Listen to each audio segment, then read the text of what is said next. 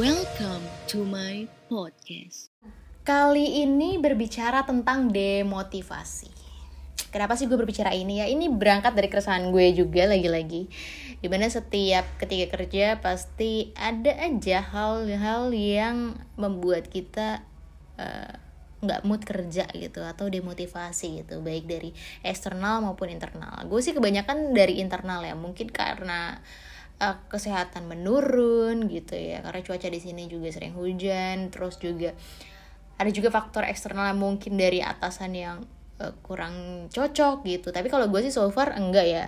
Gue uh, kebetulan punya skills adaptasi yang cukup baik uh, di tempat kerjaan baru gue cuma ada momen-momen yang ternyata uh, ketika briefing itu gue merasa bahwa ini adalah masuk ke dalam kanal yang toxic positivity gitu.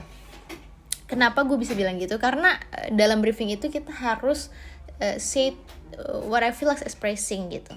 Nah, sedangkan uh, pada saat itu mungkin gue lagi tidak well gitu secara secara kondisi tubuh maupun mental atau segala macem tapi ya gue harus mengekspresikan hal-hal yang positif gitu nah menurut gue kayak uh, kita harus it is what it is gitu kayak apa adanya aja gitu. Kalau misalkan lo lagi merasa down atau merasa lagi capek ya sebenarnya sampaikan aja gitu. Kayak kan gitu ya. Cuma cuma ya itu yang gue pikir dan gue sangat rasa uh, gue demotivasi akan itu